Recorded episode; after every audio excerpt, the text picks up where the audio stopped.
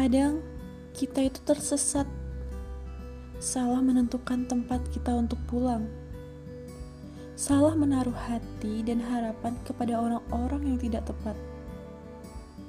Mereka dengan seenaknya menghancurkan tempat kita untuk berteduh. Mereka tidak memikirkan bagaimana keadaan, kondisi, bahkan perasaan kita nantinya. Semoga kita semua bisa menemukan tempat pulang yang paling nyaman dan melindungi kita dari segala gangguan. Selamat mendengarkan tempat pulang dan selalu ikuti aku ke mana pun aku pergi. Enggak bercanda. Makasih.